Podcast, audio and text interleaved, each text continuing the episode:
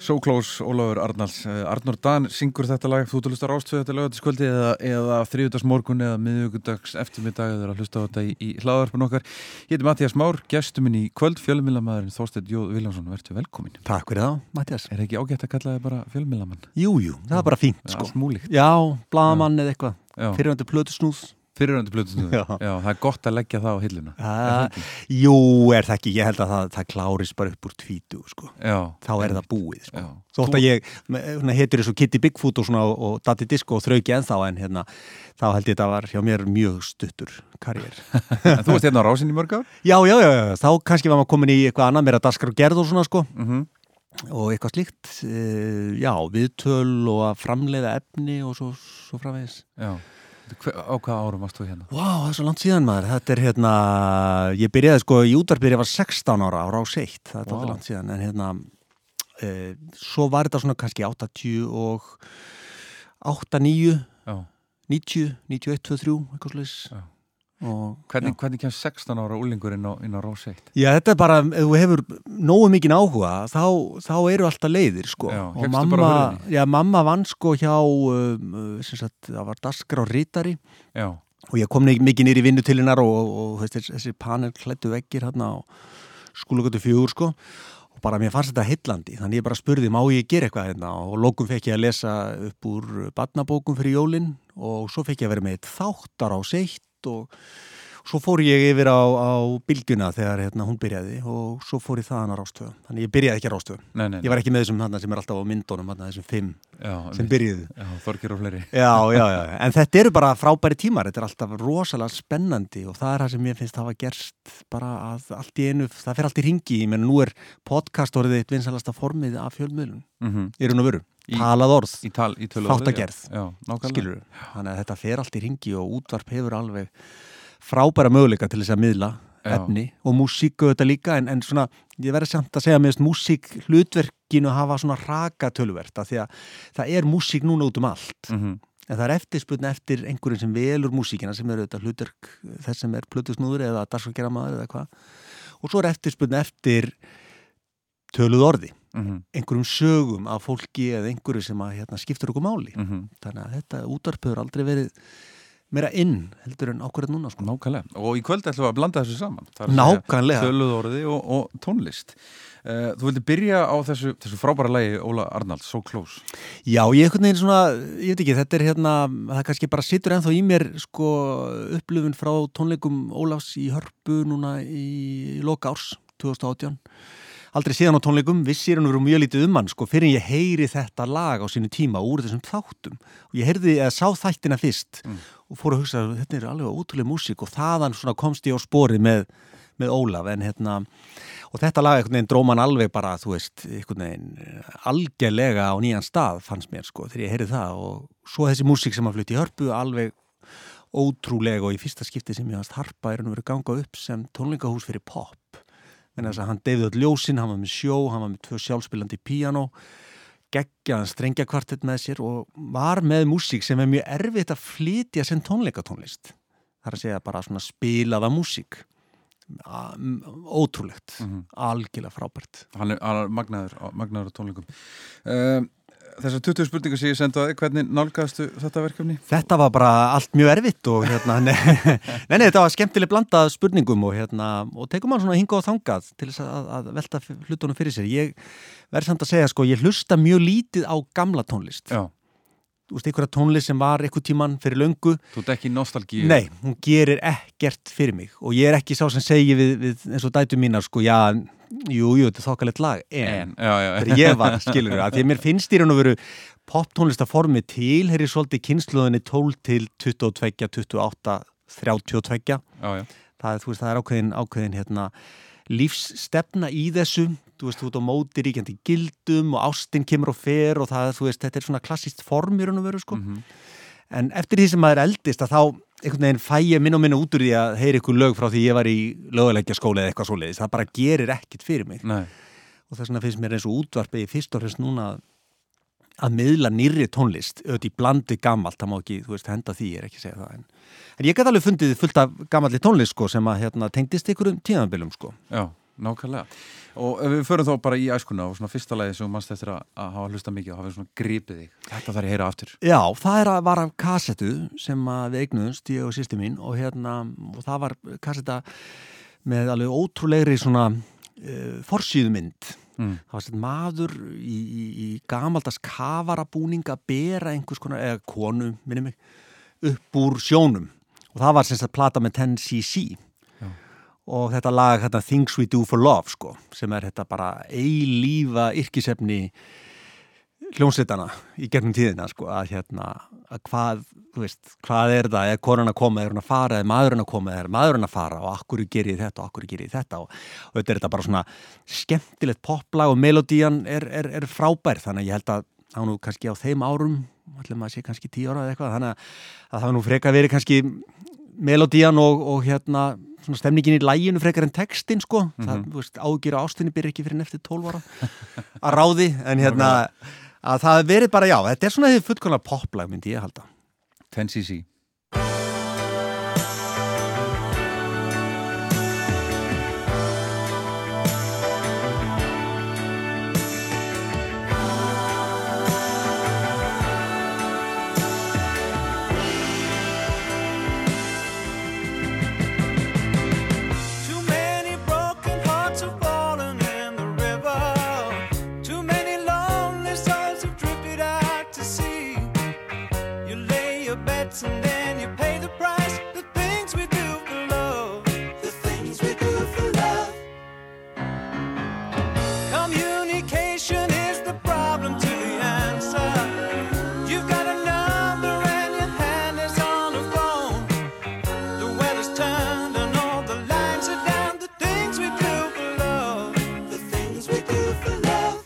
like walking in the rain and the snow when there's nowhere to go. When you're feeling like a part of you is dying and you're looking for the answer in her eyes.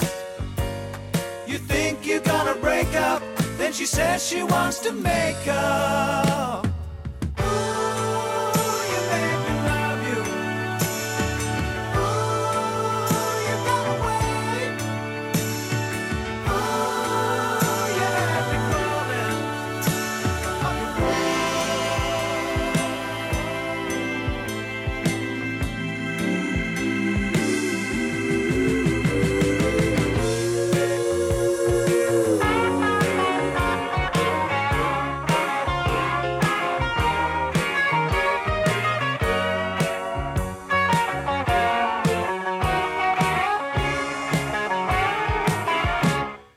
Like walking in the rain and the snow when there's nowhere to go. When you're feeling like a part of you is dying and you're looking for the answer in her eyes.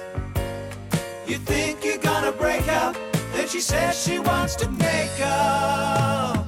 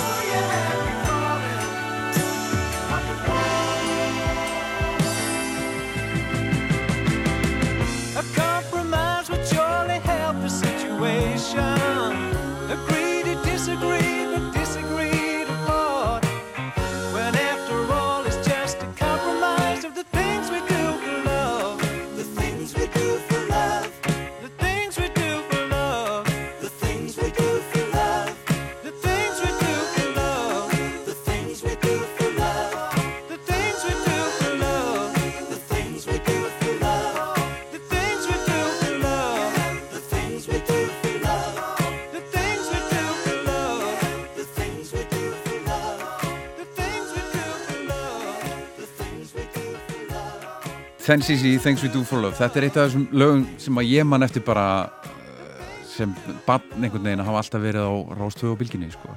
Þetta er hríkilega sætt Þetta er æðislegt lag Þetta er dísætt já, sko. já, þetta er alveg vel Þetta sko. er bara sko hálf sultukrykk og, og ristaði bröðsnið með osti sko. Þetta Já. er alveg þar og, og krútlegt Nákvæmlega Herru, uh, þá er þetta fyrstu tónleikarnir Já, það er náttúrulega, ég er ennþá að spyrja mig að því akkur í óskupunum ég fekk að fara á þessa tónleika vegna Komstu þess að- gammal? Já, sko, ef að þetta er rétt sem að stendur hérna, 78 Já, eh, sem tónleikandum voru í höllinni held ég setni part ás, nómber eða eitthvað, eða fyrirpart, annarkvort þá er ég 14 einmitt. og þetta gerist þannig að, að hérna Pétur Kristjánsson hérna heitinn hann hérna, ég bjóa heimili hans um tíma hjá, þau tókum í smá fóstur hérna og sýstu mína, hérna mamma svo pappi, Erla og Káká í já. Og hann- hérna, og já, já, Pétur var hérna og ég menna eins og búa bara undir sama þakki og rockstjarnan, hann getur eitthvað ímyndaðir, þú veist, þarna er hann rétt nýkomin út úr Pelikan og öllu því, sko. En hann reddar okkur bara miðum mér, mér og sýstu minni, Já. það er bara tónleikar í höllinni.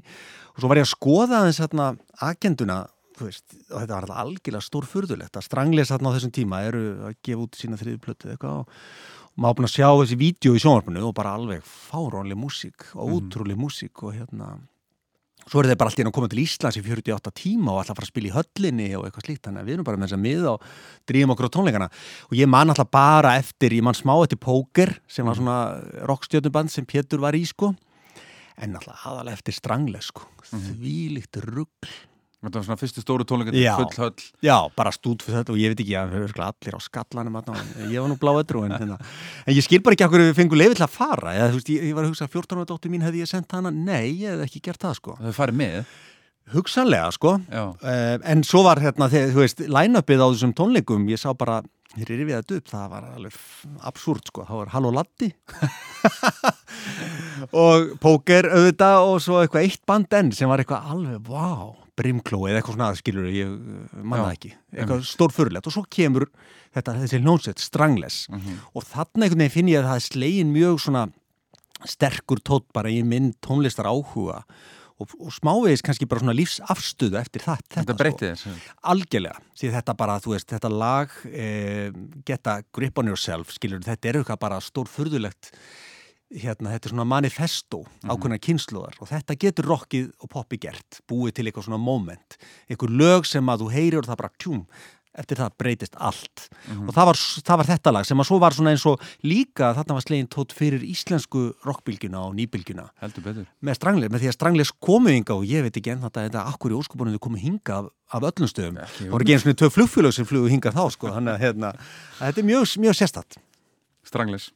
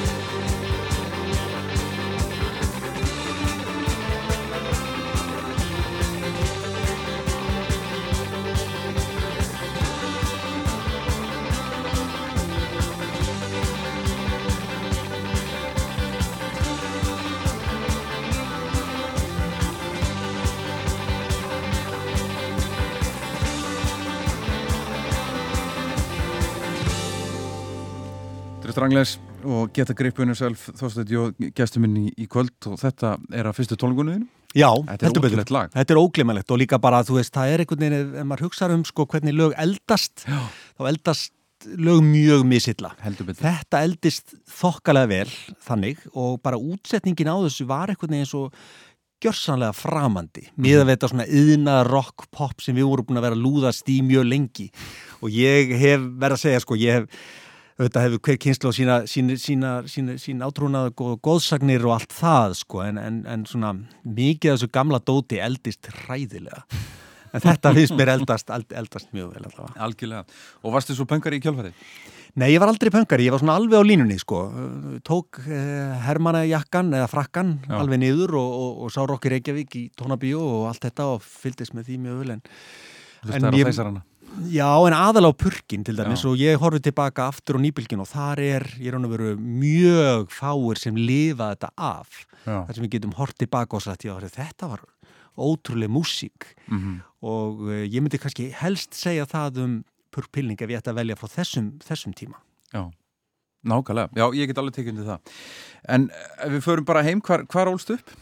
Löganessið og hérna mm, hverfið, eins og við kallum það, Löganessið og hérna mm, fættu, eða já, ekki fættur þar reyndar en, en bjóð þar frá hvað mm, eins og hálsásaldri. Mm.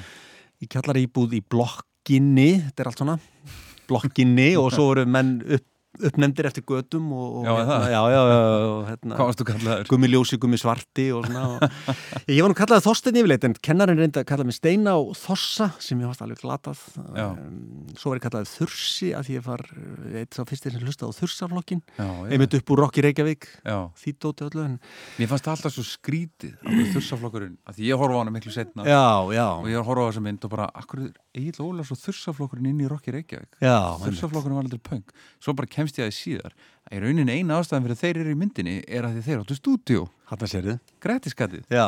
Og það er eina ástæðan sko. Nei, alls ekki punk, ég er sammála því sko, þjóðlaga einhverja svona band. djúpar pælingar og, Já, Já, já, það er líka sama með þá, menn að þú veist, þegar hérna, þessi svipa tímans, þegar þú lemur þessu á þetta, þá sumt efni sem bara gefur eftir og sumt af efninu þeirra er líka ótrúlega font, verður að segja, sko, pínu árnastofnun, en það sem þeir hafa svo gert líka vel er náttúrulega alveg magnað, sko. algjörlega, algjörlega Þannig að þú, þú elst upp í, í lauganisinu og hlusta á, á, á þursaflokkin Já, sko, ég eiginlega hlusta á bara nordmendi útastæki í eldúsuna því að það voru ekki til neina stereogræður á heimilinu. Nei, Þannig að svona mín fyrsta útarsreynsla er í gegnum þetta nordmendi gamla tæki með svona stórum flötum batteríum sko. Svo eignuðust við kassettutæki og fórum þá að taka upp úr útarpnu töluvert og kaupa kassettur líka. En um, já, þannig að maður var eiginlega, þetta, breytti svo mikið þegar maður, þegar maður, þegar maður sjálfur fór að, að hérna, komast í vits á ára og fór sjálfur að geta bæði farið á tónleika og bara keitt sína eigin músík og hlusta á sína eigin, eigin tónlist. Þurfti ekki bara að hlusta á það sem var í útvarpinu þann daginn, sko. Mhm. nákvæmlega Og var mikil músík á heimilinu? Nei, nei. Engin. Ekki neitt? Nei. Nei, bara þögnin Já. Já, Ég raun og veru nema þetta tæki sem að var alltaf í gangi, sko. já, Og ég man alltaf eftir sinfólu tónleikum, uh, beina, beinum útsendingum á 50 dögum, sko, sem að manni fannst alltaf mjög sérstætt, sko. Já, og mér finnst þeir er reyndar enn þann dag í dag oft mjög sérstakt sko, að, en það hefur breyst kynningin á því. Ég held að með poptónlist líka sem þú átt að spila í útvarpið að það er svona að gera það er svona hlutur þess sem er að miðla efninu að miðla því um hvað efnið er Mhm. ekki bara gefa sér að einhver viti hver er Dorsjak eða Bach eða Mhm. Morrissey eða eitthvað svoleiðistótt heldur bara að hjálpa manni svolítið að sjá já það er þetta samhengi Mhm. og það vantaði algjörlega fannst mér hann í galanda en hérna miklu betra núna var þetta symfóníutónleikana en hérna en það var samt áhuga á músík ég hef alltaf haft mjög mikinn áhuga á músík þótt ég spyr ekki hljóðfæri eða slíkt sko. Nei, nei, nei. og hérna þannig að það þegar maður svona, þú veist, er komin yfir 12 ára aldurinn þá er maður svolítið bara upp á sína eigin ábyrðu og Já, þú varst fegst aldrei, ég ætla að vera rockstjarna bakteríuna nei, reyndar ekki Nei, en ég stopnaði einu sinni hljónsitt og Já. hérna, já, til þess að spila ákveðna músík uh, en ég held ekki áfram, bandi held áfram sko en, hvað hva, hétt hét bandið? Sálinans Jónsmís Já, býta það Þannig að hérna, það var sagt, ég var svo hrifið þegar ég var í mentaskóla af myndinni Blues Brothers og músíkin í henni. Já, já, já Hún var svo sjúklega góð, þannig að, að hérna, fljótlega eftir það, einhvern tímann, hvað, 1920-21, að þá uh, ringdi ég bara Jón Ólafsson og, og fekk hann til þess að setja saman band til þess að spila sérstaklega þessa músík. Emmitt, og átti bara, þetta átti bara að vera einhver Já, það var, það var spilað einu sinni í tunglinu og svo spiluðum við einu sinni í Sigtún líka. Já, Og þá söng ég uh, ykkur lög, ég man nú ekki hvað mikið, já, með Steppa Hilmas þetta- þessi músík er náttúrulega bara alveg sjúklega flott sko, þessi sólmúsík algjörlega en svo bara, þú veist, hef ég, hafði ég núl metnað til þess að verða rockstjarnar sko. Steppi sá bara það? Já, það er skuldlöst og þeir byggu til frábært band úr því sko. Já, nákvæmlega. Mjög flott. Heldur betur, og svo köttuðu þið bara í fyrra? Já, mér finnst það bara svolítið gott í Já, sitta bara punkt sko, stað þarf þetta að stoppa Já. og það er ekkit átakanlegra í raun og veru heldur en poppljónsveit sem eldist. Það er eitthvað alveg svakalega trist við að horfa Mm. það sko já, svo getur svo eru sumir sem að dæmis Robert Plant í Led Zeppelin hann er bara ennþá að gera áhugaverð og spennandi músík, ekki alltaf, en suma blöðnar hann Já, eldir bara, einmitt. fylgir bara því sem hann er að gera og, og hann er engan áhuga að fara að syngja Led Zeppelin sko.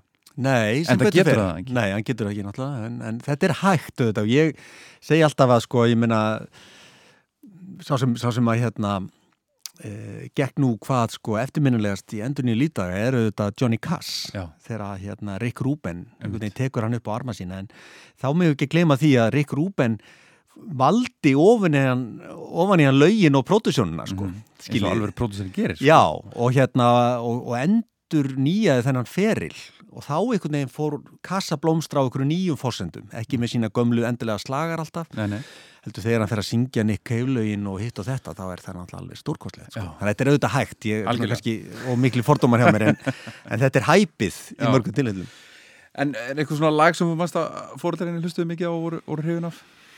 Svona sem minnið að heima hana? Já, sko, ég hérna ólust upp sískinni hjá, hjá, hjá hérna einstæri móður, sko og það var engin papp á heimilinu, þannig að hérna maður hlustaði náttúrulega svolítið á það sem hún var að hlusta á eða tengdi við og það er laga ennþá sem ég bara fæ pínuð svona, einhvern veginn, ég skil ekki sko, neitt í þessu lagi, sko það er svo tregafullt, sko, að það hálfa væri nóg en ég kynntist sko setna hérna laga höfundunum hérna, Heimi Sindrasenni og tannlækni og ég held að Heimir sé eitthvað svona vannmetnaðasti lagahöfundur Íslandsögunar í músík Mhm. var auðvitað ekki hans aðalstarf og er ekki en hérna, hefur alltaf sami mjög lúmsk lög og þarna semur hann lag við ljóð eftir hérna, Tómas Guðmundsson svona eitt af, eitt af hans svona greatest hits ljóðum sko Mhm.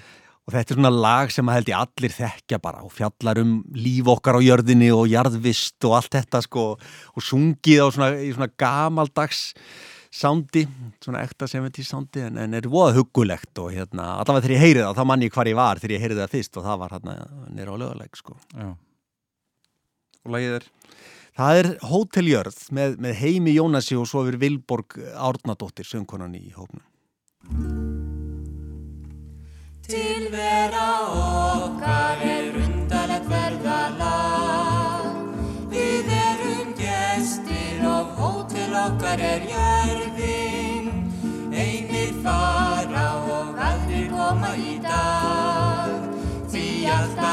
bætast nýjir hópar í skörðin og til eru ymsir sem ferðala þetta frá og þó eru margir sem ferðalæginu kvíja og sumum likur veiðinar ósku bá. En maður setjast við hótellugan og það er margt um mannina svona stað Og meðal gestan er sífældu fís og læti. All endur í stöðugri keppnum að koma sér að. Og krækja sér í nógu þægileg sæti. Og þó eru sumir sem láta sér linda það Að lifa út í að og spaki Því það er svo misjátt sem mennirni leita að. Og misjátt tilgangurinn sem fyrir þeim vaki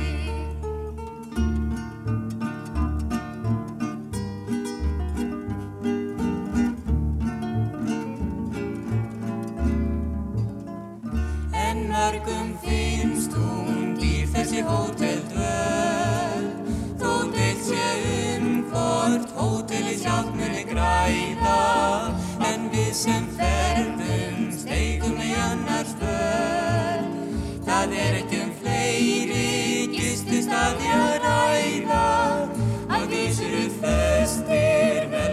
velkomnir þangað inn. Og viðbúnaður er gestirnir kom í bæinn Og margir í allsnægtum munar það fyrst um sinn. En áhyggjan vex er menn nálgar fullterða dægin Þá streymir svo hugsun um oss sem ískallur foss Að allt er þau loks upp í dölina tekið frá oss. Er dauðin sá mikli rukkar í réttir oss. Reikningin yfir það sem að skrifa hjá oss. Þá verður oss ljóst að framar eitt flestur gert. Nér færi á að ráðslapa nokkru betur. Því alls sem lífið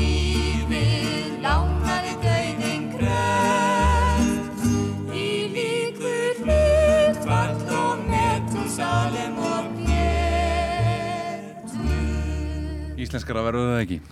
Nei og svona trega fyllra eiginlega sko, ég meina uh, fólk er kannski bara komið undir seng lótaskvöldi, hlusta útarpið en þetta er, veist, þetta er mjög tregafull sko, allt, allt sem lífið lánaði dauðin krefst, sko, þetta er alveg alla leið, sko, Ok, en, en hugulegt mjög vel gert hjá, hjá heimi. Mm Algjörlega. Það var að Sagbyrna Sælan, lægið sem að þú sagðir engum og það er gaman að í æsku. Já, ég myndi einmitt segja að það sko er þegar þú ert að alast upp á, á, á heimilið sem, sem hérna ungu maður að þá ertu ekki mikið að mótmæla kannski því sem að svona er ríkjandi skoðanir á heimilinu sko. Nei, en svo byrjar þú. Já, svo byrjar þetta. Þannig að hérna, ég man alltaf líka þegar ég heyrði þetta eitthvað, eitthvað allra skrýtnasta popla sem ég heyrt bara, eh, hafið heyrt þá e, miða við það sem svona alla jafna var í útvarpinu. Og ég held á þessum tíma einrás það var óskup döft sko. Já, hvernig heldur að hafi verið fyrir sko uh, dagskrafgerðar fólkið og þá þáverandi tónlistastjóra að hafa fengið þetta lagin og verið bara við að- að spila þetta á þessum tíma sko Ég meina þú veist það verið að tala núna hvort að hatari getur sungið eða ekki, þú veist, þarna var bara byrju, getur maðurinn sungið í raun og veru? Þú veist, er hann að halda þessu lægi eða þú veist, og um hvað er þetta lag í óskupunum? Þannig ég veit ekki, ég, ég kann nú svo ekki söguna því af hverju hérna, þetta var leift en, en þetta er eitt af þessum lögum sem allavega strax stóð bara út úr, gjörsanlega út úr viðtækinu bara, Mhm. þú veist eins og bara búm, hvaða lag er þetta að, og það var ekki mikil hrifning allavega, ég manna mamma var ekki ánæð sko, Nei, henni fannst þetta ekki merkilegt sko. Þannig að maður ekki að segja neitt frá því og svo var náttúrulega, þú veist, var ekki, var ekki komið upptökutæki, þannig að kannski náði ekki að taka þetta upp eða eitthvað. Nei, nei, nei.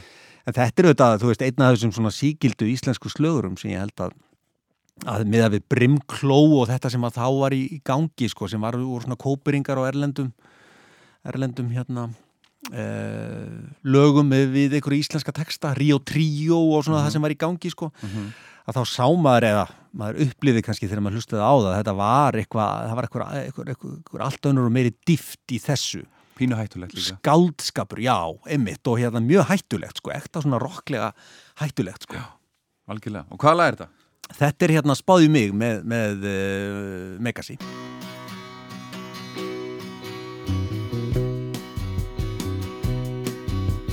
Kvöldin eru kallind út á nesi.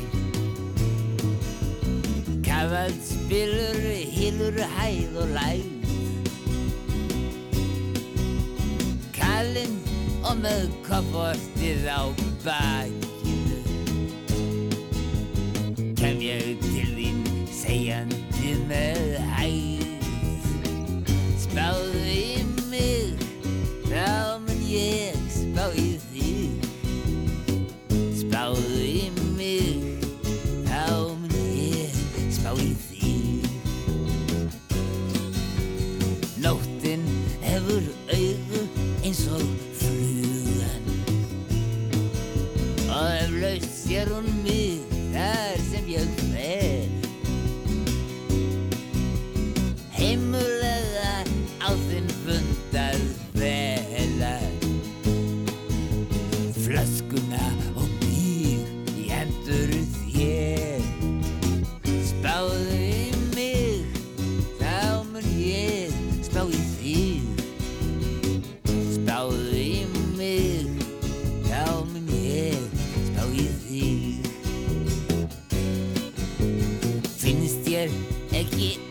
vera sjúkleg Og ekkra fjallið gjálpur að sjá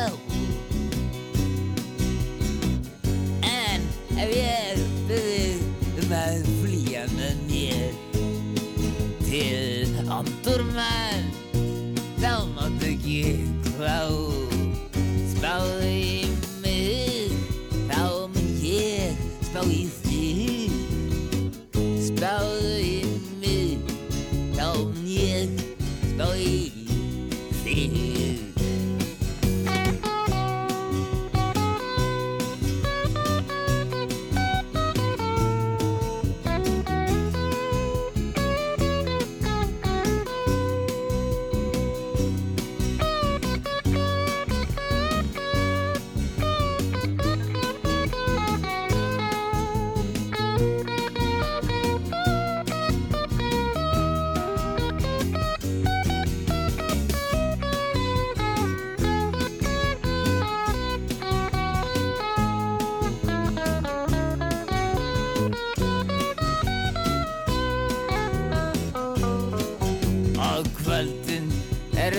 eru kallind út á neysi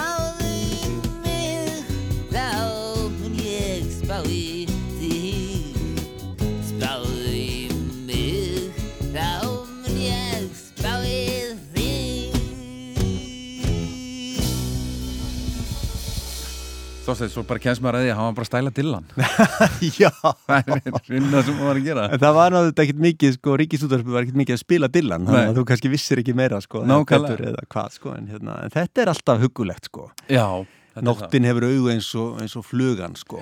Þetta er, og maður fann það líka kannski að því að þetta snýst poptónlista og rocktónlista mörg, mörgu leiti líka um textana. Það skiptir óslugu máli, þetta sé bara ekki eitthvað hérna, hún elskar mig og, og hérna, ég elskar hann ekki eða eitthvað já. Og þarna þetta skinjaði maður að það var hægt að fara fleiri og, og, og, og svona öðruvísi leiðir í skáldskap heldur en bara að vera með eintóma svona fróðu texta sko. Einmitt. Megasmálaði myndir Já, algjörlega og bjóð til svona, þú veist, þetta langt á undan sinni samtíð sko, Já, að því leiti sko kannski að, að hérna, en auðvitað í sambandi, í samhengi við aðrar hefðir eins og þú bendir á, Dylan og fleiri svona. mm algjörlega. Herru, nú voru það áratöðalögin og við ætlum að byrja í áttunda áratugnum. 70-sið eins og það er oft kallað. Bergur er búin að uh, fara að kalla þetta sjöuna sem var mjög stoltið skemmt já. Sjöan og áttan og nían. Það er mjög fínt sko, það er hérna sjöan, ég ætla að skrifa þetta niður Já. sjöan, já, byrju, hvað var ég með þar, já? Þar ætlar að vera með, með hinn markbreytilega mann, David Bowie. Já, einmitt, einmitt, jú, jú, það er náttúrulega líka svona, ég, ég, held ég setji hann þar sko bara, því það er svona Hann hætti aldrei að leita. Nei, því lík rock stjarnar sko hérna og bara að það að sjá hann sem fyrirbæri einhvern veginn líka, það var hvernig hann breytti sér alltaf í gegnum tím, tíman og hérna breytti áherslum og breytti hérna e, lagasmíðum og svo framvegis. Ég held að hans, ein, ein hans besta plata sé það sem hann gerði síðast Blackstar, Já, hún er rosaleg. Hún er rosalega og bandi sem hann fann til þess að spila með sér þar sko, sem Já, er jazzgrúpa í New York sko. Já. Ég man sko, ég hlusta á þá blöð, hún kemur út á fösti og hann, Mhm. hann deyr á mánudagsmót eða sunnudagskvöldi. Mhm. og ég hlusta á þessu blödu alla helgina og er alla bara, hann, hann, er, hann er bara deyja. Hann er bara, hann er bara deyja. Ég man ég sagði þetta bara upp á til konuna mína þegar ég var að Mhm. hlusta á þessu blödu hún er Vel, já, ég er að hlusta á þessu báði blödu hann er bara að deyja. Já, og svo bara er- deyr hann töndur sinna já, einmitt, hugsa sér. þetta er bara, þú veist, hann gerði dauðana listaverk. Já, sinn eigin. Já einmitt. Og svona trúr allt til dauða líka sko. Já, og þetta gekk hann í gegnum sín tímabil og þau eru misgóð en, en ég líki þessu stundu við sko sköpunarferli listamanna í myndlist til Einmitt. dæmis eða í bókmyndum já, að það eru ákveðin tímabil sem eru frjóri en önnur já, já, og það geta verið alls konar hluti sem kalla á það, það geta verið einhverjar erfuleika sem enn gangi í gegnum veikindið eitthvað slíkt en, en svo er þetta bara hversu margar sögur áttu í þér sem rithöfundur, hversu Mhm. margar plötur áttu í þér sem rockstjarna Mhm. og hann átti bara svo mikið til að það var alveg stórfurðulegt og þessi þættir sem ég sé með honum svona frá því að hann var ungur og annað, hvernig þú veist, hann var að basla virkilega í byrjun sko já, já, já. Veist, mjög, nei, meina hann var búin að reyna ansi mikið sko áður en hann kemst sko loksins á, á stjörnukortið með, með hérna, þessari frægu plötu sko Mhm. en það er svona eitt lag sem ég fór að hugsa sem að kannski er svona aftur eitthvað sem að ég mann þegar ég heyrði það og hvaða svona hvaða gaman er mikla heimild sem ungu manni Mm. til þess að bara lifa sínu lífi einhvern veginn, sko, Mhm. þetta var svona og það er það sem rocktónlist getur gert. Hún getur gefið þér einhvern veginn heimild til þess að tilheyra eða til þess að leita á nýja slóðir eða hvað. Og Changes er þannig lag, finnst mér sko og þessi, þessi, þessi frasi Time may change me but I can't trace time. Þessi endalösa eldingarleikur okkar við tímana. Við erum einhvern veginn aldrei uppi á réttum tíma og, og jú, þetta er góðu tími núna þetta var betri tími síðast eða það verður betra í næstu viku. Þannig að við erum alltaf einhvern veginn að, að, að hérna, leita upp í tíman meðan tímin er einhvern veginn sko, hérna, sá sem svo breytir okkur sko, Mhm. og dregur okkur áfram í gegnum þetta ferðalega frá því að vera hérna, unga börn og svo hérna, börn og svo úlingar og svo fullari fólk og svo gamalt fólk og svo við en svo bái að lokum sko. þannig að þetta er eitthvað svona lag sem er líka finnst mér svona smávegist uh, smávegis uh, hoggið í granit hjá Steinsmiðes Helgasonar Bái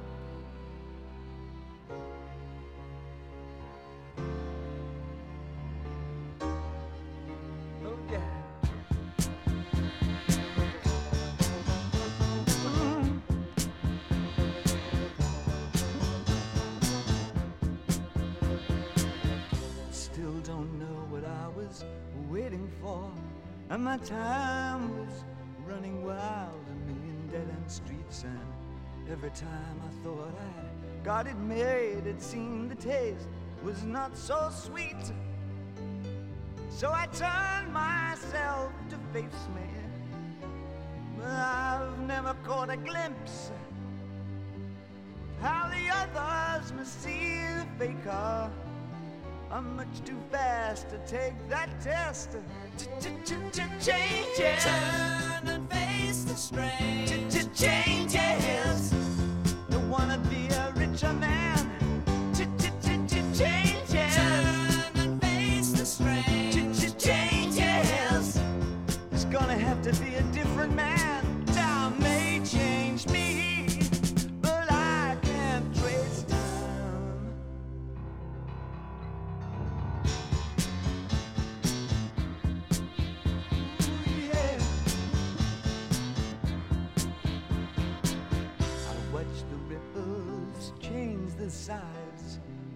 Never leave the stream of warm and permanent sand.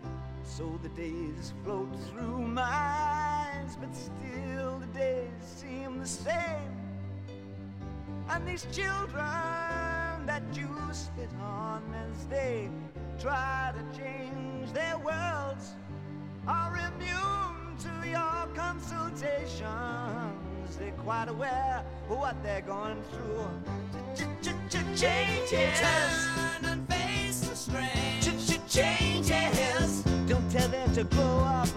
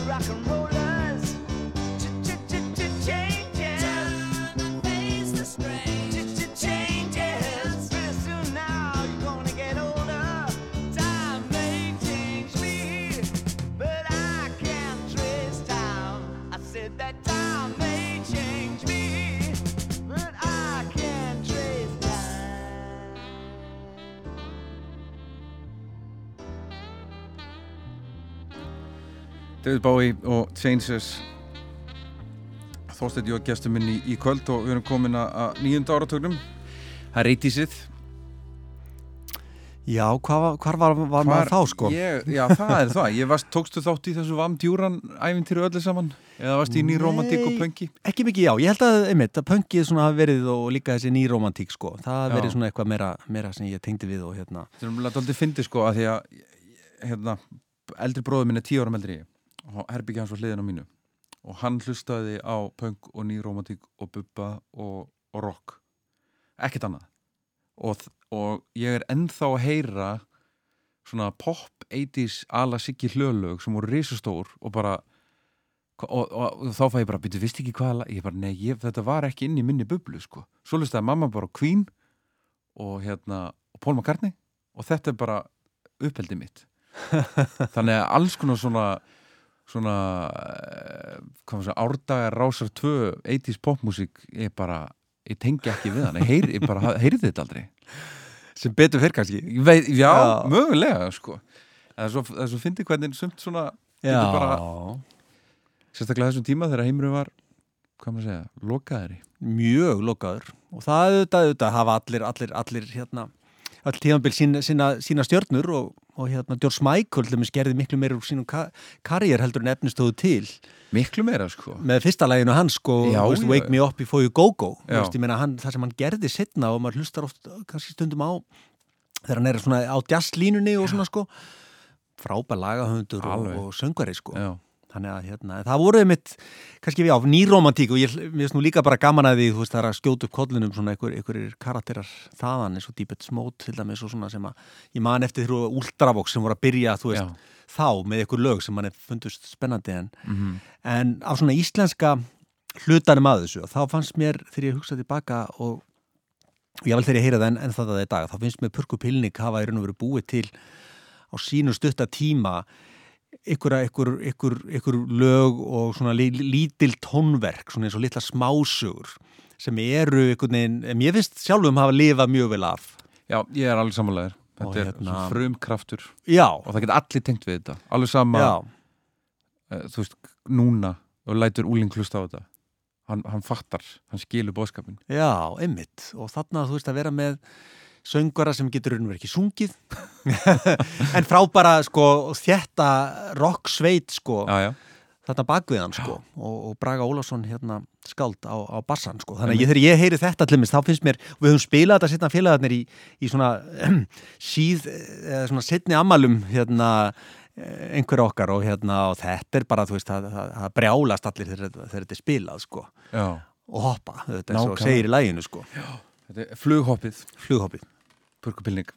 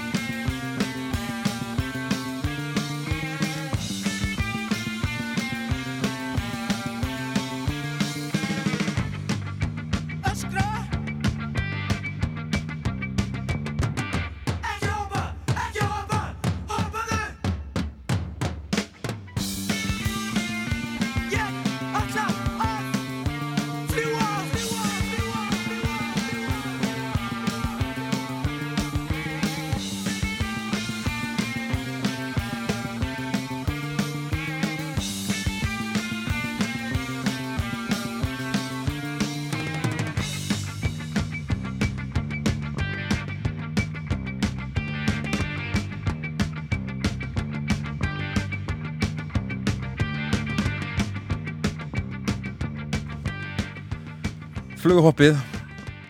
Ekki hoppa, ekki hoppa.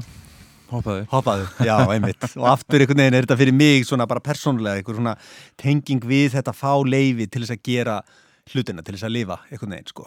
Já, einmitt. Svona stóra spurningar, sko. Já, ertu, ertu nýjönda áratugs úlingur eða? Eða svona, Já, það er góð spurning, sko, ef ég fættu 64 þú Já. hvað er ég þá? hvað ertu þá? Já. Nákvæmlega. Um, Þá er það tíunda áratugurinn 90-sið, nýjan Já, einmitt, ég held að, að þar, sko um, auðvitað kannski, þú veist, þetta er ekki, ekki, ekki neitt vísindalega, vísindalega niðurstöður hjá mér, sko, en, en ég held ef það er eitthvað lag sem ég held að aftur marki svona einhverja, tímamóti íslenskri tónlistasögu, ef ég tek það bara mm -hmm.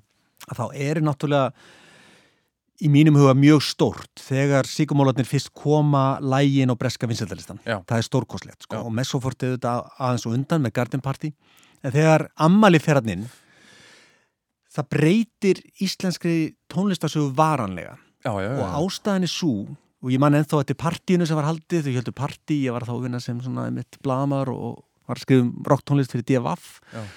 og partíið var haldið minni minnir á Dúsúsi mm -hmm. ef maður Já, rétt, einhver svona gú, görugur drikkur sem var bóðið upp á og, og svo þetta, þessa plötu sko. Eh, en gott og vel, hún fer inn á, inn á listan og svo koma Sigurmálarnir og, og byrja að spila sig inn í inn í hérna rocksuguna, ekki bara íslensku heldur svona almennt. Og um leið og þeir gera það þá verður til einmitt þetta leifi fyrir íslenska eh, tónlistamenn að hætta að hugsa bara innan 200 milna landhelgi. Að hugsa, við erum bara að búa til músík sem er í raun og veru bara alltjóðleg og í staðan fyrir eins og í gamla daga sem menn var alltaf reyna að meika það að þá voru bara, er, og hefur komið núna eh, nokkra kynsluður af alls konar frábæru hæfileika fólki sem að er bara búa til músík fyrir heiminn. Ekki bara fyrir okkur hérna heima, heldur fyrir heiminn. Og það var hægt að því að er veru það búið að gera þetta. Já. það búið að riðja þessu braut einhvern veginn og þá er þetta hægt.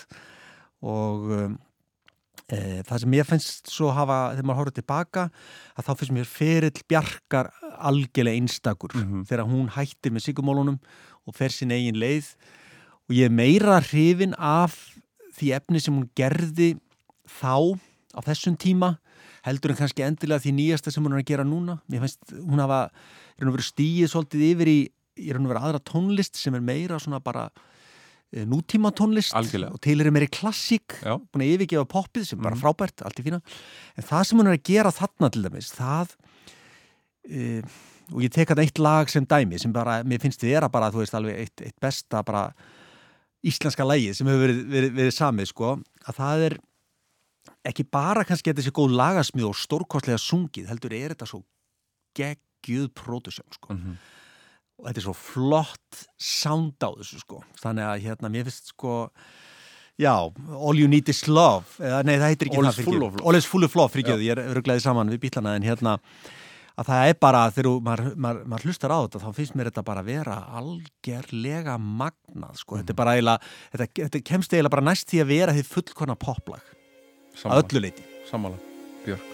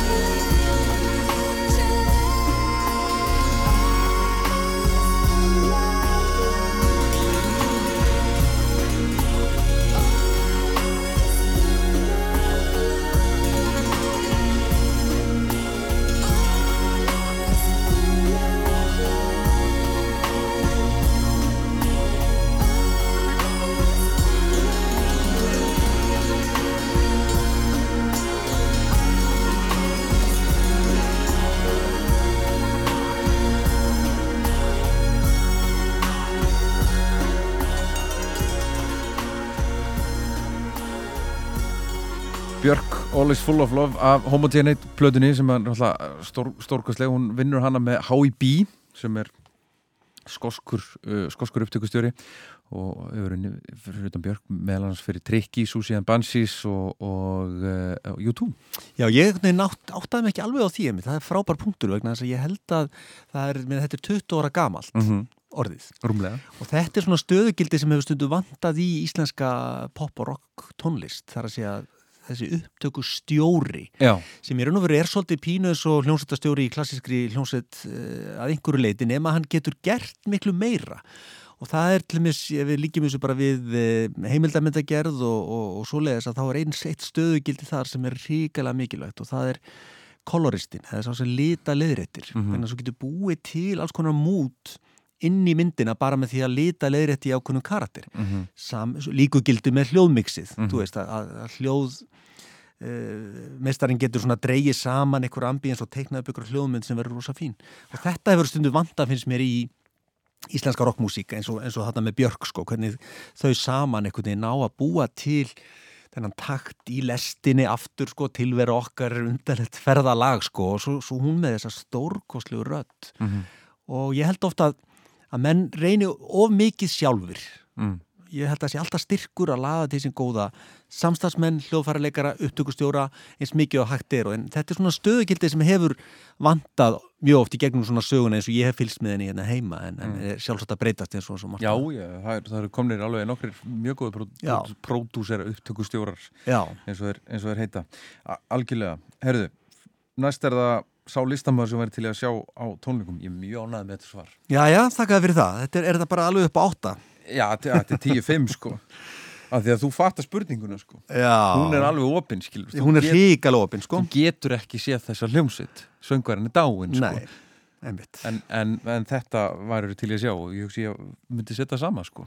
Já, það er merkilegt við einmitt þetta lag sko að hérna að það er sama, þú veist maður man eiginlega hvar maður var þegar maður heyrði þetta og svo hefur þetta líka elst náttúrulega ótrúlega vel og um, ég var í útgáfu hófi hjá Eriki Guðmundsini reytöfundi og útásmanni núna fyrir jólinn og þar mætir Bubbi Mortens sem bara tekur sér til og spilar þetta sem annar lag, bara einn á strengjagítar, já, hann náð það til. Kassagítar. Hann elskar þetta lag sko. Já, hann sagði mér það líka, ég spurði hann eftir á byttu hvaðan, hvaðan kom þetta eiginlega sko. já, en það er auðvitað svona bara saga sko þessara hljónsvitar hve- hversu raunaleg hún var kannski sem var á leiðinni bara út á hýþró með töskutnar þegar söngarinn Ian Curtis eh, fremur sjálfsmót sko og raun og veru bindur enda á ferilinn hjá öllum áður en, áður en þetta gætt hafist en, en, en vídeóið við þetta lag til dæmis það er einhver algjör styrlun hann í gangi og einhver svakalegur sálarháski Mhm. sem því miður tók hann út af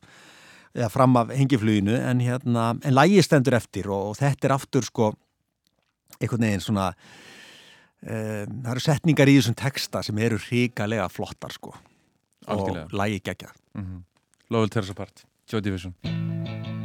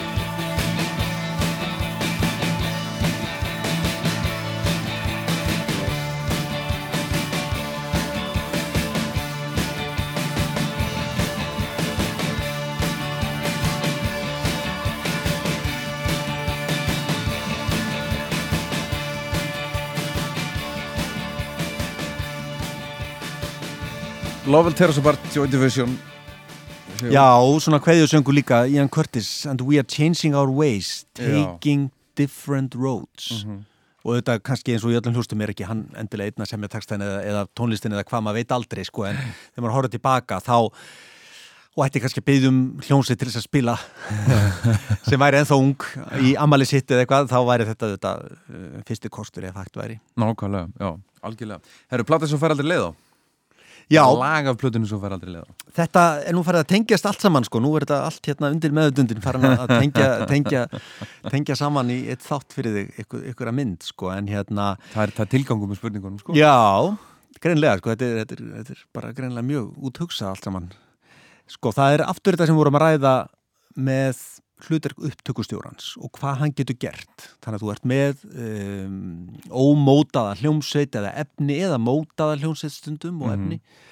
Og svo kemur ykkur hérna upptökustjóri til sögunar, ykkur annar Já. og stundum tveir og breyta þessari músík algjörlega. Og það gerðist með U2 Heldur frá því að vera svona bara venjulegt ég vil ekki segja, jú ég segi það bara lúðalegt rockband sko með síta aftan, Bono og Rosa Mission og Rosa Kraft að þá breytar þeir þeir, eh, mér finnst þeir breytast hvort sem það er eh, Brian Eno að þakka Daniel Lenoir að þá breytist U2 í eitthvað alheimsband Mhm. og ég hefði geta tekið hérna og hefði kannski frekar átt að taka það One-lægið af Actum Baby plötunni þar sem að U2 kemur út úr alveg ríkalegum sársöka og erfileikum vegna þess að þegar þeir gera gera Joshua Tree plötuna að þá hefur Bono sagt í viðtölum setna að þetta að við fórum til Ameríku að kenna Amerikunum að spila blues. Skilur við, þetta var eins og íslenska útrásinn sko. Þú veist, þeir voru að reyna að fara að spila músík sem eru nú veru bandarækjumenn voru búin að hlusta á árum saman. Já, já, já. En það er á þessari plötu og ég tengi sterklega við hana vegna þess að ég sá U2 á tónleikum í eh, Skipakví í Gautaborg, emitt, þessa plötu. Já.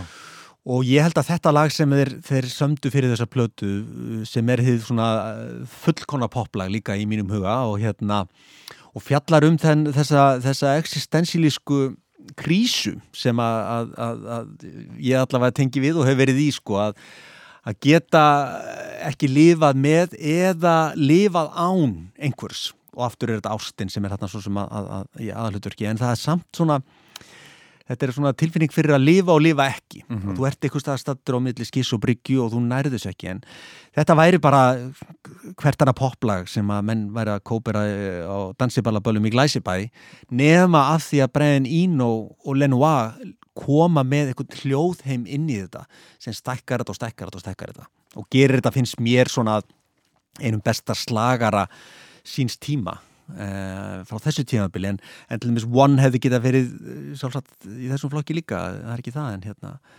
En U2 er svona bara, já, frá því að vera bara svona heimasmíðað íst rockband ferðaði yfir í að vera bara fullmótað gameskip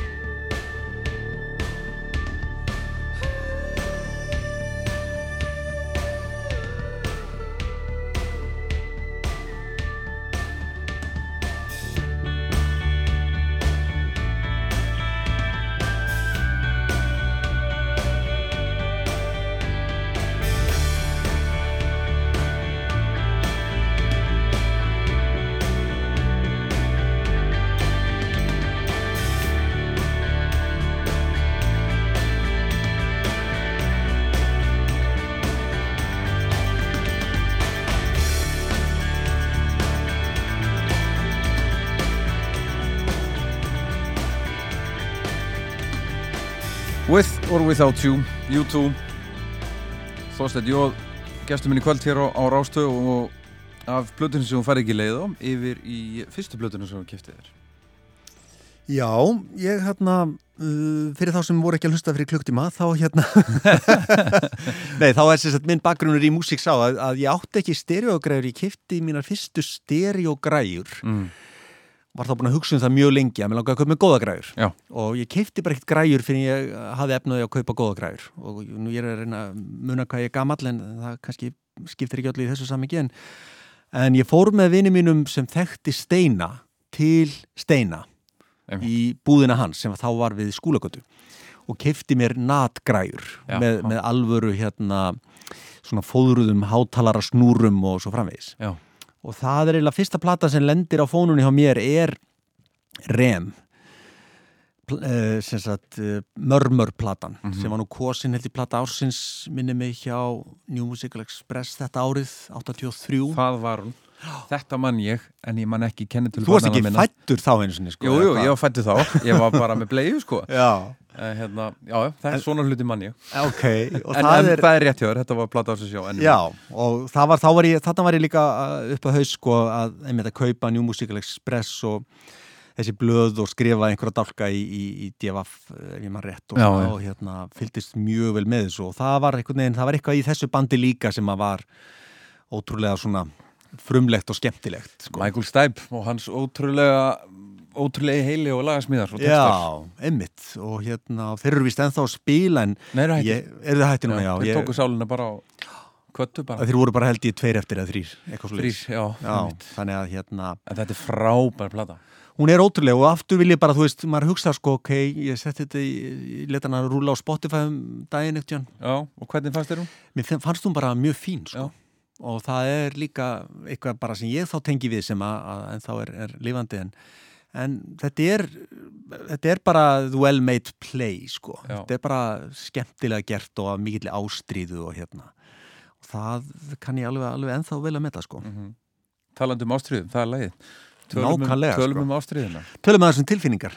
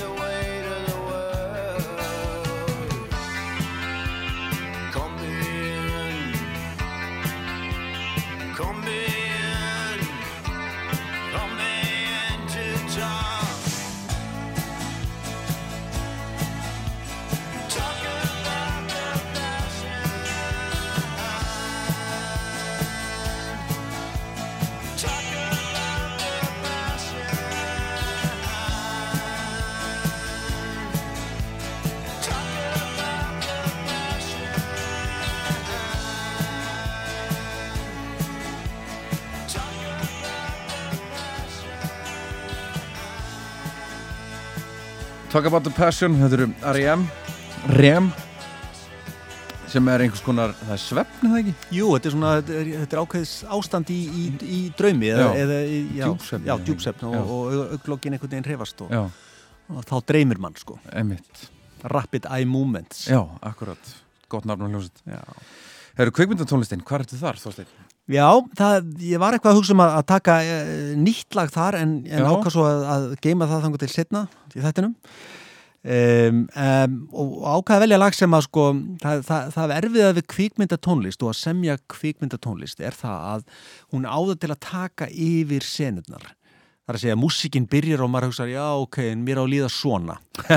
Einmitt, ok, já, nú er ég að vera hrættur nú er vera, á ég að vera spenntur eða já, og það er ekki drosa mörg, marga bíómyndir sem að, maður getur sagt að hafi mjög svona stert og gott sko Nei. á bakvið sig. Nei, nei. Um, ég hefði getað tekið þarna reyndar eitthvað, eitthvað brot úr um, úr músík sem Philip Glass skrifaði fyrir mynd sem heitir The Hours sem er ótrúlega vel hefnað og hérna, en ég ákvaða að taka bara eitthvað lag sem væri þá kannski fyrir hlustendur og lögðarskvöldi eitthvað sem þeir getið þá hlusta á já, frekar en eitthvað svona ambient eh, stemningar.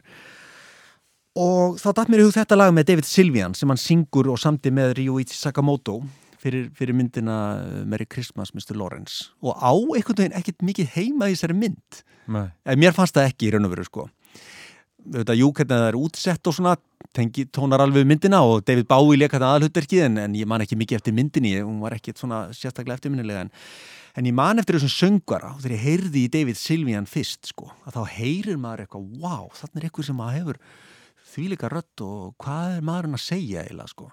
Þannig að þetta er auðvitað dáliðandi lag og hérna og frábært sko, bara eitt og sér ég vil hótt maður af aldrei séð myndina sko þá er þetta, finnst mér þetta að lifa af myndina ef ég á, ég á að velja sko já þetta lag lifir, sko, góðu lífi. Forbi Forbidden Colors, Já. David Silvian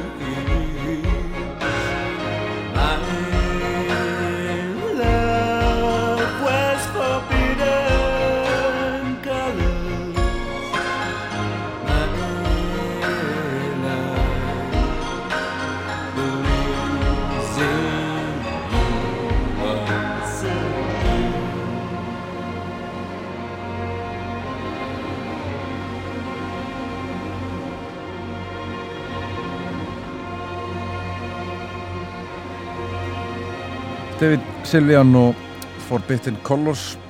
Þorstedt Jóa gestur minn í kvöld hér á, á Rástu og, og við erum komin að tónlistin í rektinni Notari músík þegar þú- stundar líka svona? Já, svona aðeins allavega í uppbytuninu og svona sko hérna, og það finnst mér oft gott að hérna, reyna að finna tónleika upptökur Já, akkur af því að það er einhvern veginn eh, allt oft önnur, önnur upplifun af læginu, það er spilað og svo kemur inn í það oft element sem er þáttaka áhörunda og hérna uh, Deepets Mode er nú hljómsveit sem ég hlustaði á bara í gamla, gamla, gamla daga Já. og hérna og líka þegar þeir gafu út hérna plötuna, hvað hérna hún bæjarleitur, það ekki? Jó, Og- frábær plata. og Já, og hérna þessi lög þaðan en, en það er þetta lag kannski sem að er, er stór skemmtilegt eins og það er og líka í tónleika upptöku en svo dúkaði það upp í einhverju bílaauðlýsingu hjá Renault minni mig að einhverjum bílaframleðanda og hérna mér fannst þetta að ég hugsaði mitt rosaleg synd er þetta? Þú veist að, að spandera þessu lægi í þessa auðlýsingu en svo hugsaði mig aðeins betur um og, og, og þá fannst mér þetta bara alltaf gott hjá þeim sko. Eh, ekki að því að, að hérna að þeir væri eitthvað að, að hérna, taka niður fyrir sig með því að selja lagi í auðlýsingu heldur einfallega getur það líka verið bara góð leið til þess að miðla músík, almennleiri músík. Þannig ég fór að hugsa sko það er eiginlega betra þeir séu með gott lag í þessari auðlýsingu heldur en að sé verið að spila eitthvað lélegt lag í þessari auðlýsingu Og einu sinni þótti þetta mikið tabú sko. Þarna var, þarna var sko hljómsveitir búin að selja sig ef, að, ef að þetta var gert. En núna þykir þetta bara hitt besta mál. Já, ég hugsaði bara, já, þá allavega er þetta lag sem að eh, ykkur yngri heyrir og getur kannski bara dáðst að og, og, og Það er hérna Never Let Me Down Again og þetta er auðvitað bara eh, ógeðslega vel gert. Þetta er svona bara rock upp og 9.5. Dýpa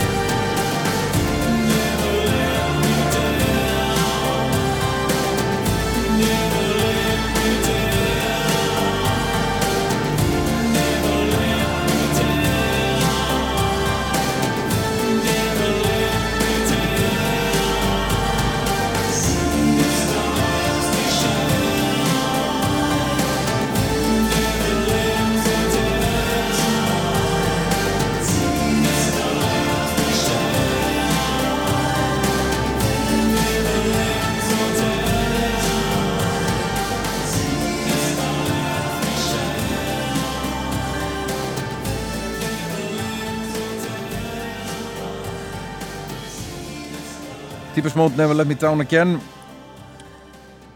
Já, Þorstein, næsta spurning er náttúrulega fáruleg, sko. Já, já, En hún er þarna. Uppáhalds íslenska lagið þitt. Já, já.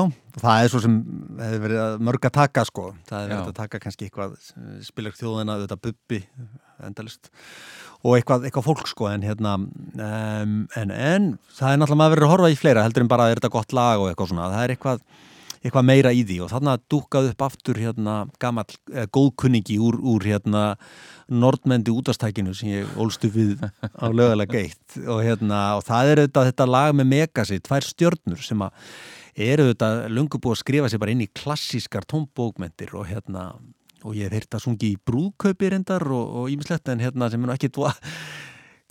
ég veit ekki hvort þetta hendar í akkurat þá stund sko. Nei Ég sé það hérna, helst á ríkinu hvað langur tími liðin Eh, en það er þetta er auðvitað bara stórkostlegt lag sko, er ástalag auðvitað líka en hérna og frábælega flutt sko. Já, tvær stjörnur, megas.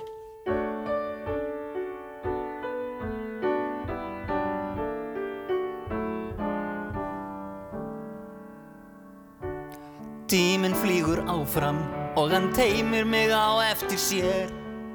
Og ekki fæ ég miklu ráðið um það hvert hann fer. En ég vona bara hann hugsi svo litur hlýlega til mín. Og leiði mig á endanum aftur til þín. Ég gaf þér forðum keðju úr gulli um hálsin þinn Svo glemdir þú mér ekki í dagsins amstri nokkurt sinn. Í augunum þínum svörtu horfði ég á sjálfan mig um hríð. Og ég vonaði að ég fengi bara að vera þar alla tíð.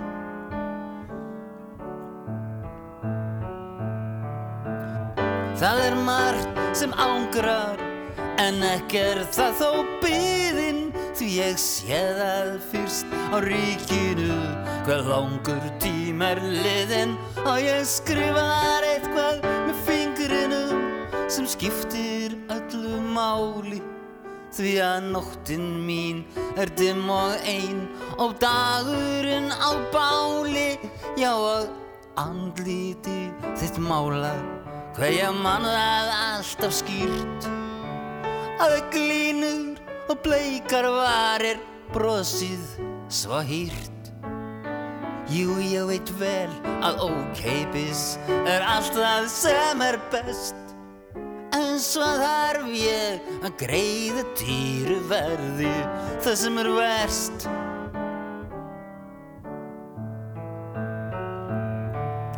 Ég sakna þín í byrtingu að hafa þig ekki við hlið og ég sakna þín á daginn þegar sólinn brosir við mér. Og ég sakna þín á kvöldin þegar dimman dettur á. En ég sakna þín mest á nóttinni er svipirnir fara á stjá. Svo lít ég upp og ég sé við erum saman að erna tvær stjörnur á blári festingunni sem færast nær og nær. Já mann þig þegar augun mín eru opinn hverja stund. En þegar ég nú legg þau aftur fer ég á þinn fund. Þetta ótrúlega lag, tvær stjörnur eftir Megas. Svo einfall lag. Ótrúlega einfalt. Bara, og vel sungi Já, líka, maður takir nefnilega. það nú fram sko, Já, að algjörlega sko. honum er oft svona leið á hálsi fyrir að vera ekki góð söngari en, en, en hann er mjög svona túlkandi söngari Já, algjörlega. Skapandi söngari Já, Bara, absolutt. Uh, Ferðalögin, Þorsteinn? Já, þá tók ég bara einfallega hérna e, svona minningu um að vera að keira norður á Horstrandir sem er náttúrulega hægt að keira þangað, Nei, það er ekki vegir þar en, hérna, en við erum með svona rútínu ég og dætunar að, að, hérna, að þegar við keirum af, stað þá erum við með ákveðin svona playlista sko. Já, og uh, þá, þá er alltaf hægt að leggja stað nema að fá, þú veist, engilinn hann KK til þess að, að, að syngja þjóðvegu 66 einhvern veginn. Og það er svo fyndið að því að þú veist eða, okkur finnst það fyndið að við erum í raun og vera að keira á þennan áfangastað sem er ekki hægt að keira á sko. Nei, að þú kemst ekki lengur en á Ísafjörð eða til Bólangavíkur og þá tekur þú bátinn þaðan Já, og hvað hva er, er, ertu með hús þar eða? Eh, Það, já, föðurætti mín á hús þar í Aðalvík, Mhm. Sæbólsmegin á Sæbóli og um, pappi okkar er fættur þar Þetta er Þannig við, já, það, það er alveg frábært að fara þarna sko, Já. þú veist, og, og hérna kóplaði út Algjörlega, og ekkert útvarp og engin klukka og ekki neitt og bara, já, verið, uh, maður borða þegar maður er songur og sér þegar maður er sífiðaður og, og þetta líka ferðalag sko að þurfa að vera með allan kost í bílnum sko, að pakka þetta niður, taka ólíu og gas á Ísafyrði, taka svo bátinn uh, með hafsteini uh, til aðalvíkur, uh, allt með sótjakk í land, bera á höndum, upp í Já. hús, koma ólíu fyrirgun í gang og svo framvegis. Þannig að hérna, Þetta er alveg vinna og þá þarftu náttúrulega þegar þú ert að leggja á djúpið að hafa einhver, einhver svona veðanesti eins og, eins og KK og, og þessi plata náttúrulega er öll ótrúlega fín sko, þetta er Mhm. svona þetta er svona hérna, þjóðugur eitt plata bara. Algjörlega, algjörlega. Skemmtileg. Þjóðu 66 Þjóðvegur 66 Í fjallæg þú síndist Fjöllin vera blá. Fundu hvorki sjálfa sinni Eitthvað sem þau þrá Á þjóðvegi 66 Ó, þjóðvegi 66 Manneskjur og flótta Ástæða og ferði gegnum New York og Disneyland Og nýðar þessi með Allir beigði vestur, held í sömu átt, sátu upp á plassinu, það hafði engin hátt. Á tjóðvegi 66, í fjallægt þú síndist, fjöllin er að blá, fundu hvorki sjálfa sinni eitthvað sem þau þrá, á þjóðvegi 66, ó, þjóðvegi 66. Jón nokk Steinbeck, hann fór þessa slóð og hann skrifaði skruttu um undarlega fjóð. Um fólk í nauðum sem leitaði að náð, mætti fjandskap allt þetta skráð. Á þjóðvegi 66, örlung á spilin, kjöð var ekki góð, annarkortan degi eða fara þessa slóð. Á þjóði 66 Já, á þjóði 66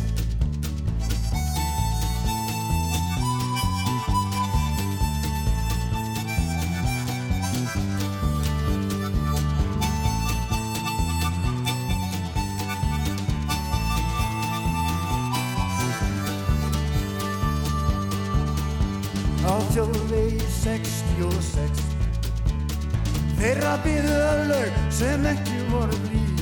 Annarkortan degja eða heia þetta stríð. Á þjóðvegi 66 Já, já, á þjóðvegi 66 Þá bræður hörfa og herja vítir söp. Til eru höfðingjar við Íslands bláu fjöld sem heldur vilja deyja en lífið þeir er smán. Að hafa ekki gefið sem þeir gáttu verið án Við tölum um, við tölum um þjóðveg 66 Já, eru fjöld sem alltaf verða blá. Drauma sem rætast, trú og þrá. En á þjóðvegi 66 Jó, lítuð á, sjáðu þjóðvegin Hann er blár, hann er þjóðvegur 66 Já, hann þjóðvegur 66 KK þjóðu 66 Hérna, Þorsteinn, hann KK vinnur hérna hann með þættar á sitt og það eru svo mikil forréttindi að geta fengið sér kaffibólla með KK einu sinni viku Já, og bara, hvað segir einmitt. Og fá einhver, einhver, einhverjar perlu af því að hann talar bara, þú veist hann er stórkurslegu maður. Heldur betur og músíklega líka bara einn af okkar stærri sko Já. hérna búin að semja ótrúlega mikið af músík og er einmitt að spila núna út um all land og, og hann er svona maður sem er líka gaman að, að sjá á tónleikum ég, ekki- ég sá hann síðan spila bara uh, á kassagítar á kljúfrasteinu mm Mhm.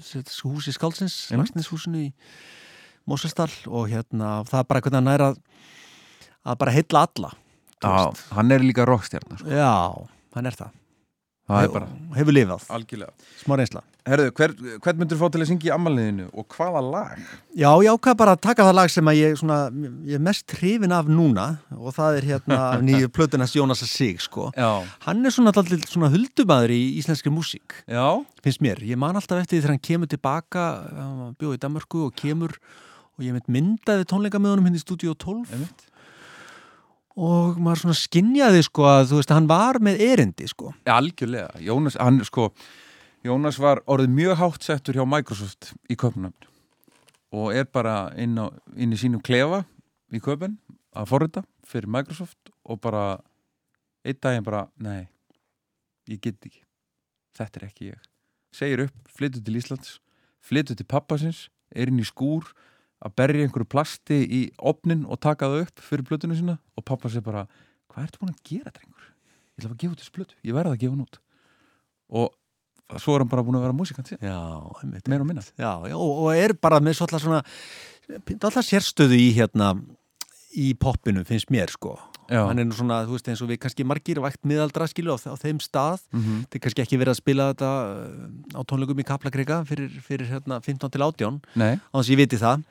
En þá er hann svona með bæði músíklega, þar að segja laga smiðarnar textarnir líka og svo hvernig hann syngur þetta sem ég finnst vera mjög fínt sko, já, ótrúlega fínt og, og hérna, en ég er búin að vera að uppgöta svolítið svona hinn á þessi lög af plötunans síðustu, nýjustu plötunni. Já, milda hjartað. Já, milda hjartað. Og mér finnst þetta vera svona það lag sem ég hlusta mest á núna akkurat, það, það, það, það er eitthvað sem að, að hérna væri gaman að heyri í amalinu en það er þetta, ég er nýbúin að eiga amalið þannig að það er aldrei þá, það er 340 dagar Já, í það, núna, núna. Jónas Sig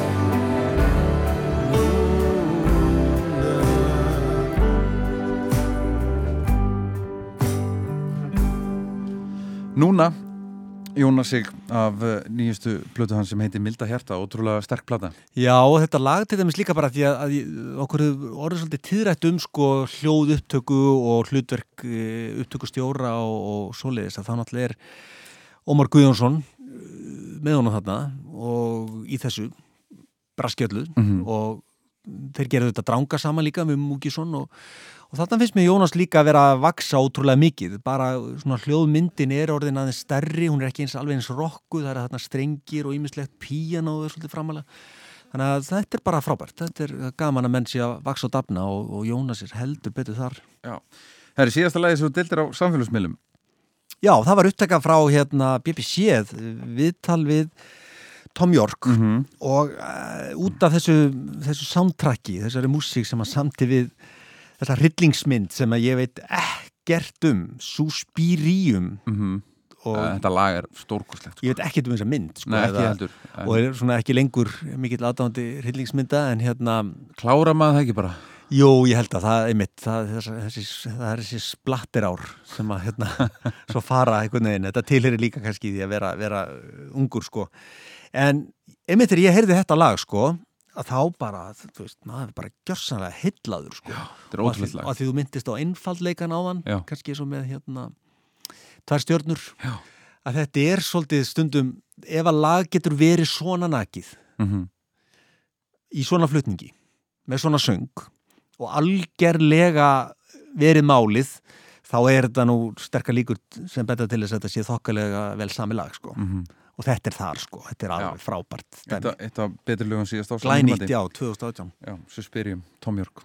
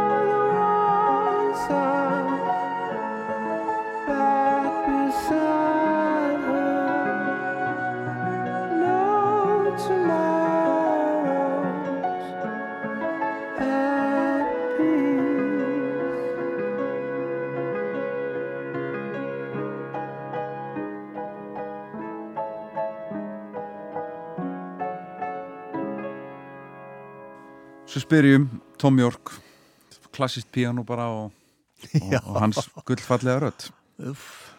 En Þorsteinn, ákvært að hlusta núna? Hvað er svona hva, hvaða blötu þetta að hlusta á, hvaða listamann? Já, nei, sko, ég ákvað að taka bara eitthvað að playlista dóttur minnar. Í skullinni í skólan uh, alltaf aðra hverju viku og leifi henni stundum að DJ-a og þá spilar hún eitthvað sem að hún hefur áhuga á að hlusta á. Og Já. hún er búin að vera að spila þetta svolítið í vetur, Já, þessa söngunu já, og alveg magna líka þegar maður heyrir ha, í henni, sko, að þetta er eitthvað alveg stórkostlegt talent, Já. sko, langt undir held, 20 heldur betur, hún er ótrúlega Billy. Ellis og er að semja þetta með bróðu sínu skils Já. mér. Og þú fær söguna á Já, já, ég fær söguna, sko, hún tekur svona DJ á þetta. Já, og hérna og þetta er eitt af þessum lög, það eru nokkuð lög sem hún hefur verið að spila. E, mér finnst þetta til dæmis vera eitt af þeim, þeim sem mér finnst þetta alveg er sko, ótrúlega spennandi efni. Það er sko Billy Eilish æði bara út um allan heim núna. Platan kom út í gær og þetta er ótrúlega plata og þetta er bara rísa popstjarna popstjarna nútímans. Já, popstjarna og- og morgundagsins Þarna finnst mér sko, þú ert alltaf svo mikið yngri en ég en, en þá í raun og veru finnst manni um, að það sem maður þarf að hafa er svona smá hóværð og auðmygt til þess að hérna, fara ekki í hennan gamla gaur sko, hérna, já þetta var nú já, þetta, þetta, þetta líkist nú tölvert hérna, lagi sem ég heyrði Já, já, já. 1987 heldur að taka þetta bara inn eins og þetta er? Já, og algjörlega ég er ekki að segja að ég sé að spila þetta daginn út og daginn inn en sko mér finnst þetta svona gott dæmi um músík sem mér finnst gaman að heyra. Og það tónar eitthvað ja, eitthvað og það ágætlega við það líka sem að eins og mér líður að ég er ekki stattur ennþá 1987 1997 eða 2008 skiljið, það, þú veist, það er tíminn líður og ég held að maður þurfi svona aðeins að, að, að treysa hann, treysa tíman Já, já, já, eins og David Bowie talar um sko, elda einhvern veginn og eitthvað sem gefur manni nýjar hugmyndir um, nýjar, eh, nýjar nálgun á heiminn og svo framvegis. Þú ert ekki ennþá að hlusta á 10cc Nei, alls ekki sko. Ég meina og, Gunni Átnavinni minn hljómistari sko, hann keipti sín á tónleika höfum í háskóla bíó held ég og ég bara, hvað er að þér? Sko?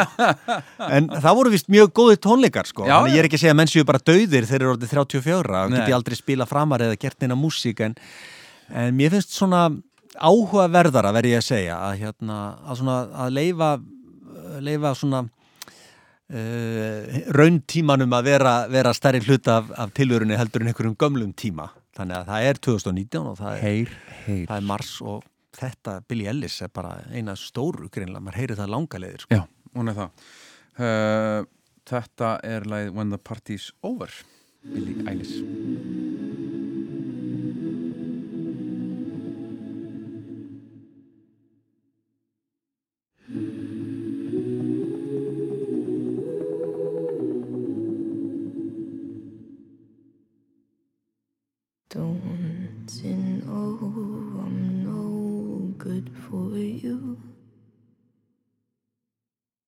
I've learned to lose, you can't afford to. Tore my shirt to stop you bleeding. But nothing ever stops you leaving. Quiet when I'm coming home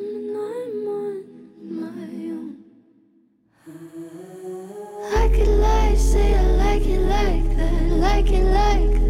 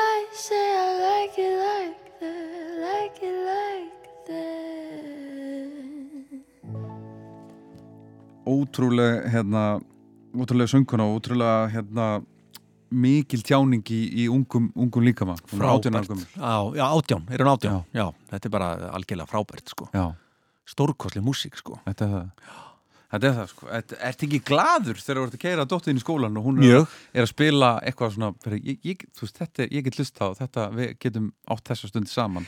En ekki verið bara Jú, nei, ég meina, ég er bara að hlusta, sko, ég meina, þetta er ekki nema 20 mínútur, þannig að þú veist, ég get alveg hlusta, sko, Já, já, já. hérna, og sumt, auðvitað er þetta fyrst mann eða misgott, sko, en hérna, en ég lifði af það þegar, hérna, útarstöðin, útars Blatibær var á öldum Ó, ljósokans. Guð, þú vart fóreldri þá. Já, ég er, ég er fórnalamb þeirrar útastöðar og hérna, og það fór gekk svo langt sko að ég var bara farin að segja, veitir, það er eitthvað skrítið, það er eitthvað að sendinu hjá þeim því ég næ einhver sambandi við sendin. Ég bara afbar ekki Nei, að hlusta á þetta. Nei. Því miður sko. Já. og hérna góð bóskapur og allt Já, og vel gert hjá já. Magga og, og Mána en hérna, en guð með góðu hvað þetta var hræðilegt og ég sagði þeim þetta rúnum daginn hérna dætrum mínum og þær voru alveg hryllilega móðgæðar sko. Ég skildi ekki að hafa spilað út að hlata, hlata bæ meira. Einmitt. og ég bara því miður, þetta er ekki, er ekki við mig að sakast sko, það bara er ekkert signal en þá vil ég frekar Billy Ellis og eitthvað svo leið sko. Algjörlega, dóttir mín tók svona tímabil uh, með fyrstu blötu hans áskiptrösta ég get ekki hlustað á þá blötu hún bara elskaði áskiptrösta og elskar hann þá. Og bara dyrkar hann og sérstaklega hérna, dyrðið döðuþögn alveg þannig ég bara og ég var alveg bara hvað, ég verða og svo er ég alltaf að prófa að taka nýja og nýjan disk út í bíl til að reyna að finna eitthvað annað en þetta, nei, að fugglalagi sem hún var búin að veist, skýra öll lögin eitthvað. Og ég var alveg að vera geðugur, ég sé ekkert hvað ég ætti að gera. Mér finnst það frábæð plata, algjörlega og áskipturist er stórkustlegur, en ég get ekki hlusta á þessu blötu aftur, svo endanum horfði ég á diskasafnum mitt og bara, hvað á ég, ég að reyna? Sá ég bílakassa minn ok, ef að bílarnir virki ekki þá gefst ég upp þannig að ég opnaði bílakassa minn, alla blötunar og bara abirút, tek hana bara og upp í bíl. Og það virkaði. Og hún Já. búið bílarnir síðan.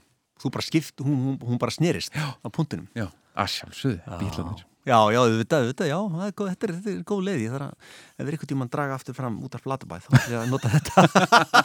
Er hann nú, nú, nú vaksnar upp úr þessu? vaksnar upp Já. því sem betur verið, já, já, já. Herru Þorsteinn, þetta var nú smá auka, auka hliðaskref hérna. Síðustu tónleikarnir sem fórst á. Já, ég, það er ágætt að bara að, hérna, að draga það saman því að hérna, ég hef ekki er verið farið mjög mikið á poptónleika og rocktónleika í setjumtíð og ástæðin er svo bara að mér fannst og finnst oft á tíðum þetta form vera bara dögt. Já. Já, það er að segja hljónsett sem stendur á sviðinu og spilar Já. og meira segja sko þegar, þegar hérna, David Bowie heitinn kom og spilaði í höllinni þá var ég fyrir svo miklum vombriðum Það voru margir, sko.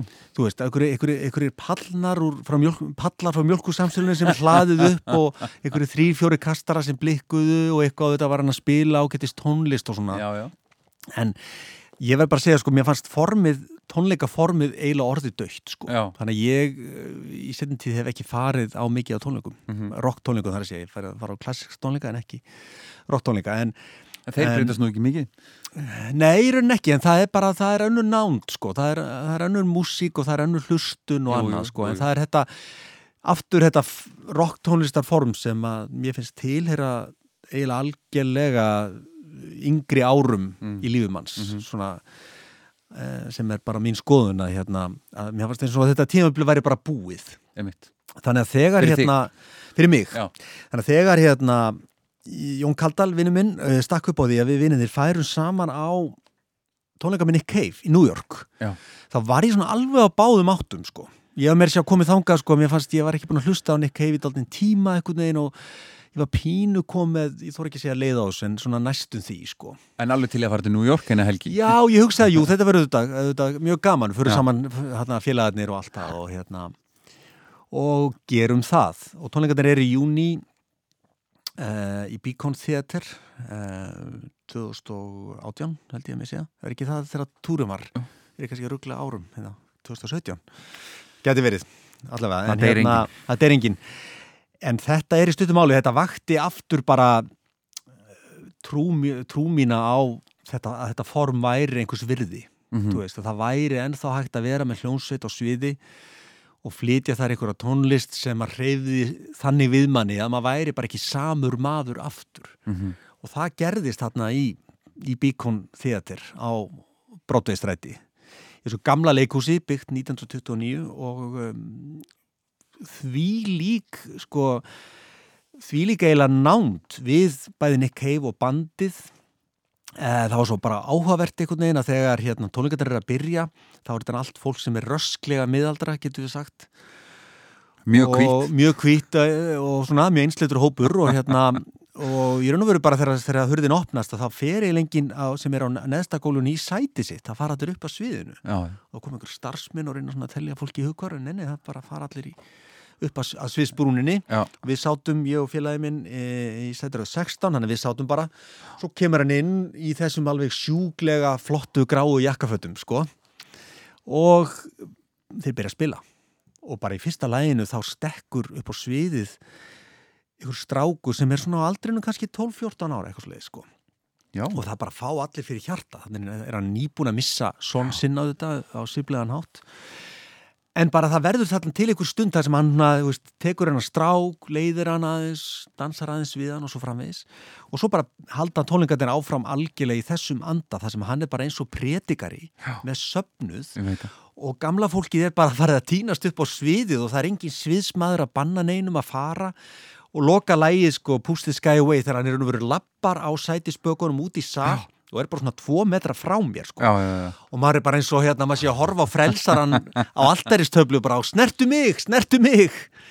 E, þvílík, þvílík músík sko og alls konar lög tekin í alls konar útgáfum þar á meðal hans svona öflugasta lag eh, The Mercy Seat sko sem að hann fluttir reyndar í mjög svona rólegum, rólegum búningi og allt það sko en hérna en þetta vakti aftur tiltrú mína á að þetta form er einhvers virði og auðvitað er það það þú veist, maður á ekki vera svo gamall að, að hérna, segja að þetta sé dögt en, en, en þessir tónleikar einhvern veginn, já, ég verð að segja að þeir vöktu mig aftur til lífsins og kannski vöktu aftur áhuga minn á því að hlusta á lifandi rocktónist, flutta, já þegar hún reyði við manni þá gerur hún það svo sannarlega. Þokkalega sko.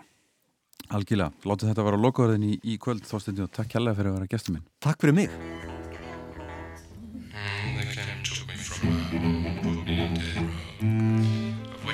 I'm nearly. And I say again, I'm not afraid to die. I began to warm and chill the objects on their fields. A ragged cup, twisted mop, the face of Jesus in my suit. Those sinister dinner deals on meal trucks, wicked wheels. A hooked bone rising from my food. All things that are good or ungood. is waiting, and I think my head is burning. And in a way, I'm yearning to be done with all this measuring of food. Of an eye for an eye and a tooth for a tooth. And anyway, I've told the truth, and I'm not afraid to die. interpret signs, the catalog, a black tooth, a scarlet bog, the walls are bad, black bottom kind. They are the sick breath at my hind. They are the sick breath at my hind. The at my hind. They are the sick breath gathering at my hind. I hear stories from the chamber. Christ was born into a manger, like some ragged stranger died upon the cross. And might I say, it seems so fitting in his way. He was a carpenter by trade, or at least that's what I'm told. Like my good hand tattled evil all across his brother's fist. That filthy five, they did nothing to challenge or resist. In heaven his throne is made of gold. The ark of his testament is gold. The throne from which I'm told all history goes unfold. Down here it's made of a wood and wire.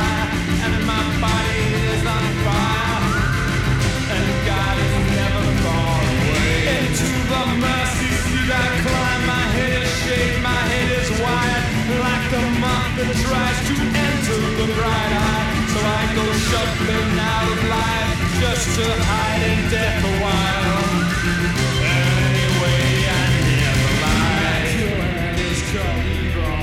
Where's a wedding band that's good? Tis a long suffering shackle.